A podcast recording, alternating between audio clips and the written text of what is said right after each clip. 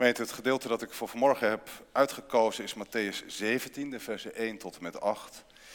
De verheerlijking op de berg, de transformatie, zou je kunnen zeggen, van Jezus. Een gedaanteverwisseling. En we hopen te ontdekken wat dat te maken heeft ook met de doop. Brenda, de moeder van Brenda, zal dat voor ons lezen. Zes dagen later nam Jezus, Petrus, Jacobus en diens broer Johannes met zich mee een hoge berg op, waar ze alleen waren. Voor hun ogen veranderde hij van gedaante. Zijn gezicht straalde als de zon en zijn kleren werden wit als het licht. Plotseling verschenen aan hen Mozes en Elia, die met Jezus in gesprek waren. Petrus nam het woord en zei tegen Jezus: Heer, het is goed dat wij hier zijn. Als u wilt, zal ik hier drie tenten opslaan: één voor u, één voor Mozes en één voor Elia. Hij was nog niet uitgesproken of de schaduw van een stralende wolk gleed over hen heen. En uit die wolk klonk een stem. Dit is mijn geliefde zoon. In hem vind ik vreugde. Luister naar hem. Toen de leerlingen dit hoorden, wierpen ze zich neer en verborgen uit angst hun gezicht. Jezus kwam dichterbij, raakte hen aan en zei: Sta op, jullie hoeven niet bang te zijn. Ze keken op en zagen niemand meer. Jezus was alleen. tweede lezing is uit de brief die Paulus schreef vanuit de gevangenis in Rome. Hij is uh, gevangen genomen door afgevaardigden van de keizer. En dan schrijft hij een brief aan de gemeente in Filippi. En dat is een gemeente waar Paulus een hele warme persoonlijke band mee had. Die ook heel goed voor hem zijn geweest. Ze hebben iemand gestuurd die hem bijstaat met praktische hulp, maar ook met geestelijke bijstand. En dan schrijft hij aan hen het volgende vanuit de gevangenis. Geliefde broeders en zusters, u bent altijd gehoorzaam geweest toen ik bij u was. Wees het des te meer nu ik niet bij u ben. Blijf u inspannen voor uw redding en doe dat in diep ontzag voor God. Want het is God die zowel het willen als het handelen bij u teweeg brengt, omdat het Hem behaagt. Doe alles zonder morren en tegenspreken, opdat u zuiver en onberispelijk bent. Te midden, onberispelijke kinderen van God, te midden van een verdorven en ontaarde generatie, wat tussen u schittert als sterren aan de hemel. Houd daarbij vast aan het woord dat leven brengt. Dan kan ik op de dag van Christus trots zijn omdat ik me niet voor niets heb ingespannen en afgemat. Tot zover gemeente de lezing uit de Heilige Schrift. Zalig zijn wij oprecht gelukkig als we deze woorden horen, ze in ons hart bewaren en hierop ons leven bouwen. Gemeente van onze Heer Jezus Christus, beste, beste Brenda en Marius, familie en belangstellenden, u die thuis meekijkt of later deze dienst meebeleeft. Wanneer is je opvoeding geslaagd? Wanneer kun je als ouders zeggen, we hebben het goed gedaan? Wat hoop je voor je kinderen? Misschien dat we dat niet eens zo uitspreken. Dat we daar niet eens echt een beeld van hebben. Ik denk dat veel mensen zullen zeggen, ik hoop dat mijn kinderen ja, krachtige mensen zullen worden die het leven aankunnen. Misschien dat er diep van binnen de hoop zit dat ze het goed zullen krijgen.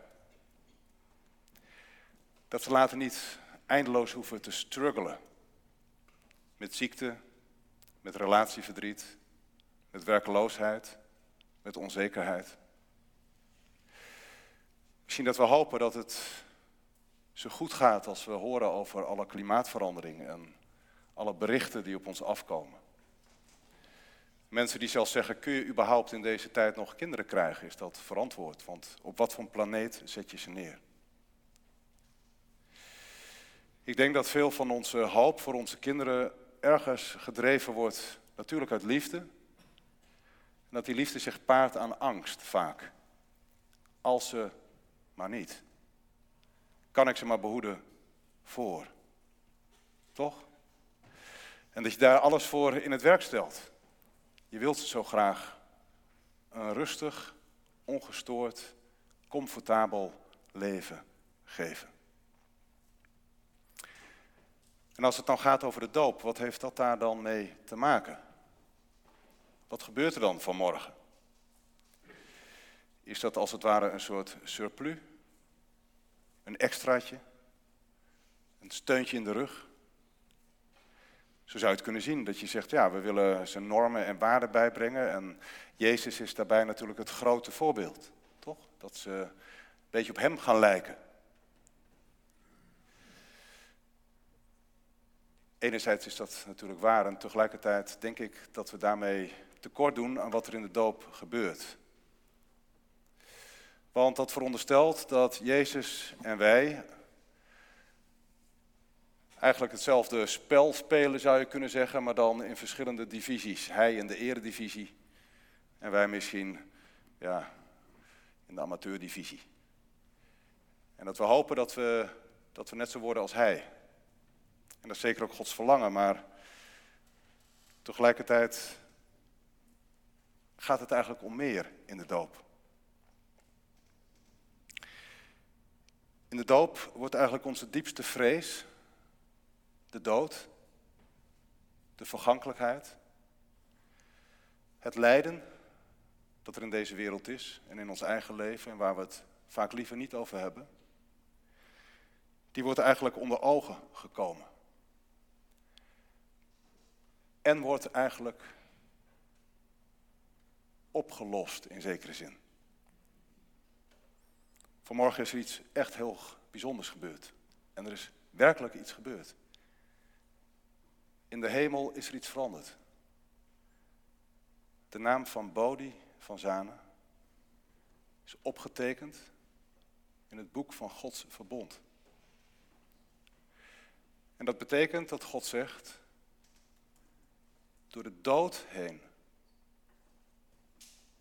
door moeite en verdriet heen, uiteindelijk heeft dat in jouw leven niet het laatste woord. Jij bent een mens bestemd voor het eeuwige leven. Ik was vrijdag bij iemand op bezoek, 75 jaar. Ze zei, wat is het leven ongelooflijk kort. En dat zie je pas als je weet dat je zelf niet meer tientallen jaren te leven hebt. Het is een, het is een zucht, het gaat voorbij. Daar gaat het hier om. Dat dit leven eigenlijk als het ware de proloog is van dat grote gebeuren dat God in petto heeft voor deze wereld en voor ons. En de vraag is, ben je daarbij?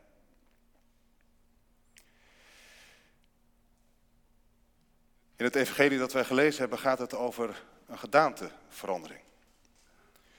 Jezus transformeert, dat staat er letterlijk in het Grieks. Metamorfose staat er eigenlijk. En zijn metamorfose, zijn gedaanteverandering, heeft alles te maken met onze gedaanteverandering die God voor u en voor mij op het oog heeft. In Hem, wat daar is gebeurd, gebeurt iets aan ons. Het gebeurt op een berg en in het evangelie naar Matthäus komen meerdere bergen tegen en ze hebben allemaal betekenis. Voor de Bijbelvasten onder ons ga ik er even doorheen. Misschien dat u het herkent. De eerste keer dat sprake is van een berg, dan staat Jezus op een berg en dan toont de duivel hem alle koninkrijken van de wereld en zegt allemaal voor jou. Kun je gewoon pakken. Eén ding, kniel voor mij. Compromitteer jezelf voor één keer. Wijk één keer af van waar je voor gekomen bent en dan ligt de wereld voor je open. En hij buigt niet. Hij buigt niet. Wij allemaal zouden hebben gebogen, hij niet. Tweede keer is de berg van de zaligsprekingen. Dan spreekt Jezus over het goede leven. Wat is een goed leven? Gelukkig ben je. Gelukkig ben je als je hier huilt om het onrecht in de wereld. Want je zult getroost worden. Gelukkig ben je als je vrede sticht. Gelukkig ben je als je het koninkrijk van God zoekt. Dat is de tweede berg. De derde berg is dat Jezus bidt in alle rust en dan zijn zijn leerlingen in gevaar en dan daalt hij van de berg af over het meer. En weer op een andere berg ziet hij de nood van de leerlingen en van de mensen voor hem en dan geeft hij brood. Dus steeds op een berg in het Matthäus-evangelie wordt iets essentieels zichtbaar van wie Jezus is. En u weet, het Matthäus-evangelie eindigt ook op een berg in Galilea.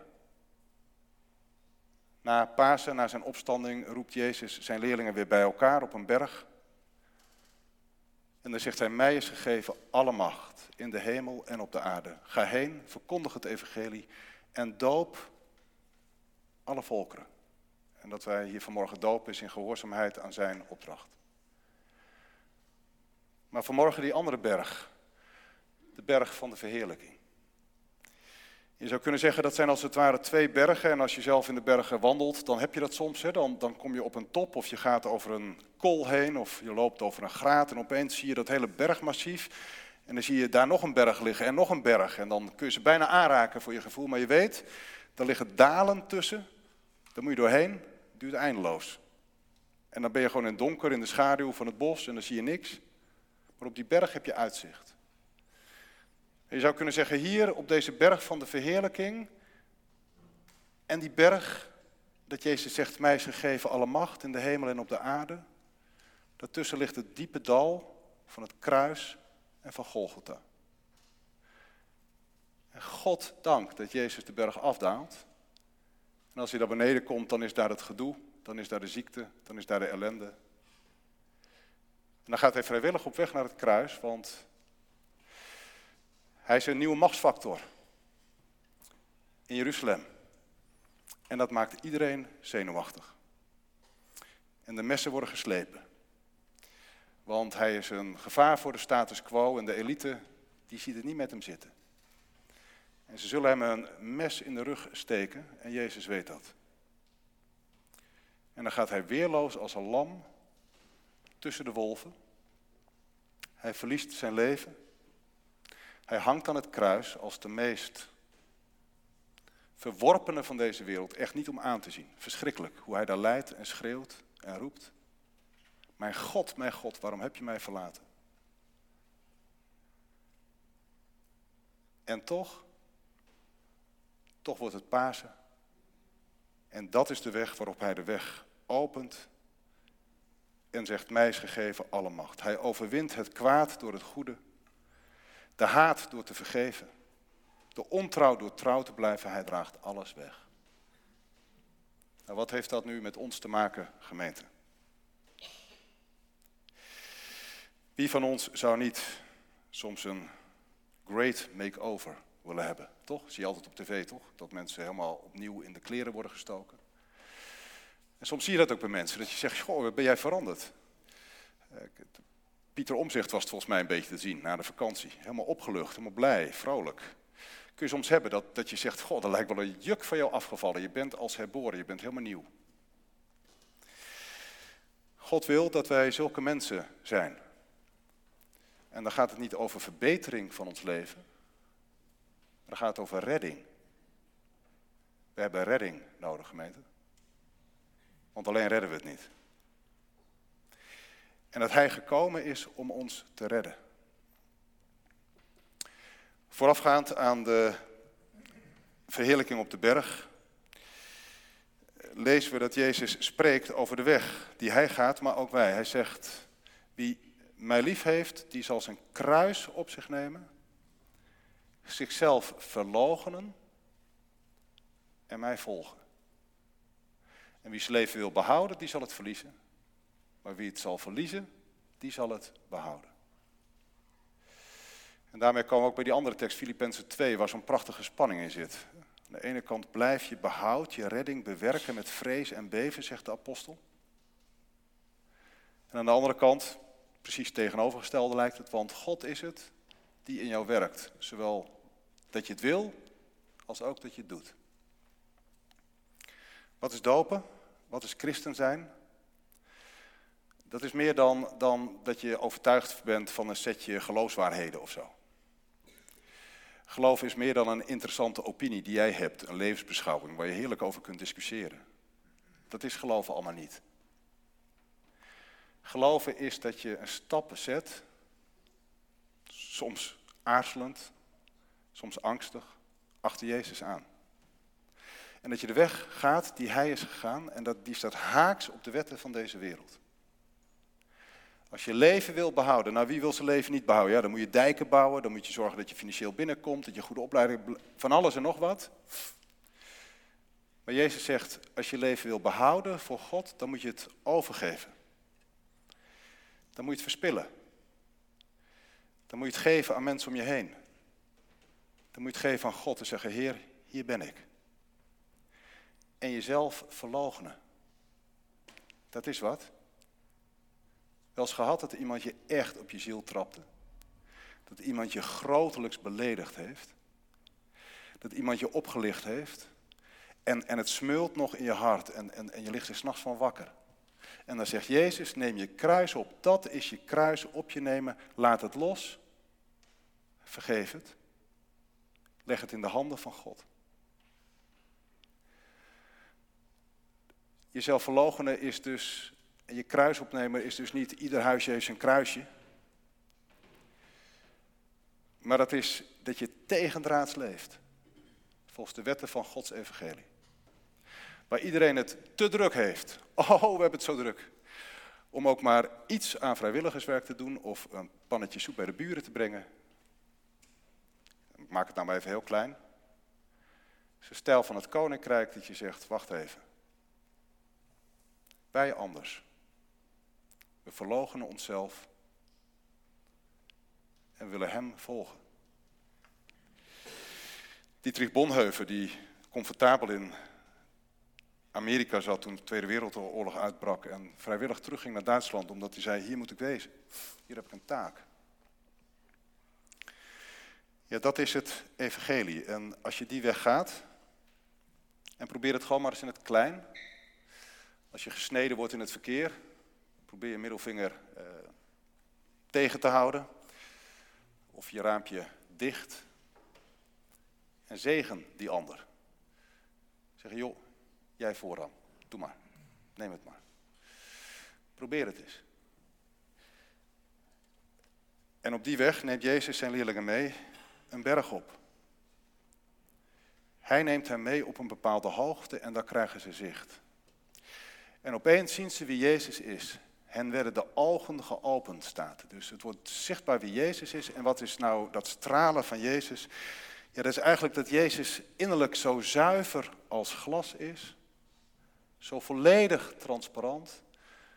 Zo volledig zonder blokkade, helemaal op God gericht, dat het licht van Gods liefde en het licht van Gods genade helemaal door hem heen schijnt. Verblindend, ze zien hem. En zijn kleren worden wit. Dat is het geheim. Jezus zocht steeds het aangezicht van zijn vader, het contact met God in het gebed. En als je daardoor laat beïnvloeden, dan, dan gaat de Heilige Geest in je werken. En dan gaat er in je iets, iets stralen en dan verandert er iets. Nou, dat is bij Jezus volledig. En daarmee is Jezus niet zomaar een voorbeeld, maar Jezus is de mens zoals God wil dat wij zijn. Hij is de norm, waaraan alle mens zijn wordt afgemeten. Ja, en dan, ja, dan hebben we natuurlijk wel een probleem, hè? Want zo zijn wij toch niet, of wel? Zoveel wat er in ons hart aan duisters is. Zoveel blokkades. Zoveel smurrie. En toch, later hangt Jezus aan het kruis. En dan is er niets te zien. Maar dan kijken de leerlingen met de ogen van het geloof. En dan klinkt nog ergens in hun oren, dit is mijn zoon. Ik heb hem lief. luister naar Hem. Alles lijkt er haaks op te staan. Er lijkt helemaal niets van te zien. Jezus lijkt alleen maar te verliezen. En, en, en de weg van God gaan, dat lijkt alleen maar dat je bij de losers hoort. Bij een kerk die het moeilijk heeft, bij mensen die een beetje beschimpt worden. Ja, achterlijk, geloof jij nog? Hier. En toch, in die weg voltooit God zijn werk. Durf je zo naar jezelf te kijken? Dat er in jou een geheim schuilt. Gods werk in jou. En zoals Jezus straalde daar op die berg, dat dat ook al in jou verborgen ligt. Dat God zo naar jou kijkt dat jij die mens bent. Daartoe bestemd. En dat Hij dat in jou tevoorschijn roept. Het zal pas zijn als we sterven, als de zonde is afgestorven in ons leven, dan zullen we helemaal stralen als de zon. En toch, dat er ook in jouw leven klinkt, jij bent mijn geliefde kind. Erfgename van Jezus betekent broer en zus van Hem. Ook jij bent mijn geliefde kind.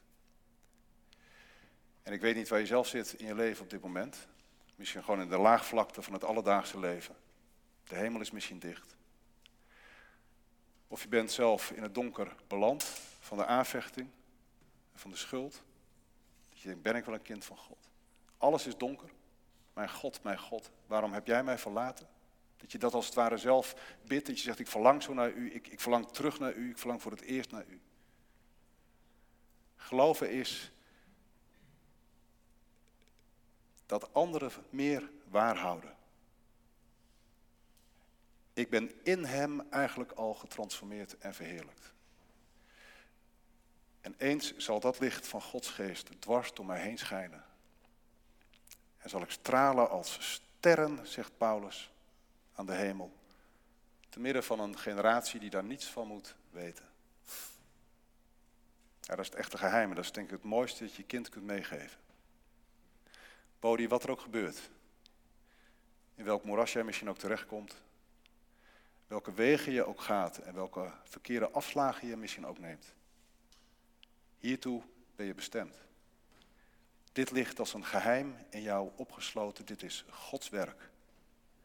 Hij is het die door zijn welbehagen zowel het willen als het werken in jou zal werken. En dat de dag zal komen dat wij tot onze verrassing in dat licht staan. Dat is het teken van de doop. En hoe worden we steeds meer mensen die, die zo gaan schitteren van binnen als het ware. Ja, misschien mensen die alle uiterlijke glitterlingen een beetje loslaten. Die kwetsbaar durven te zijn. Die zichzelf durven te geven. En die Jezus willen volgen. Zou ik je echt willen vragen, doe dat deze week is. Of doe het is, dat, dat klinkt niet goed, want dat doet u. Maar één van die geboden van Jezus, als je in de Bijbel leest, pas het toe. Doe het. Zet een stap in het geloof. En dan zul je zien, hij leeft. En hij is ook bij mij. Dat Bodhi zo van dag tot dag mag leven voor Gods aangezicht. En eens met ons zijn heerlijkheid mag binnengaan. Amen.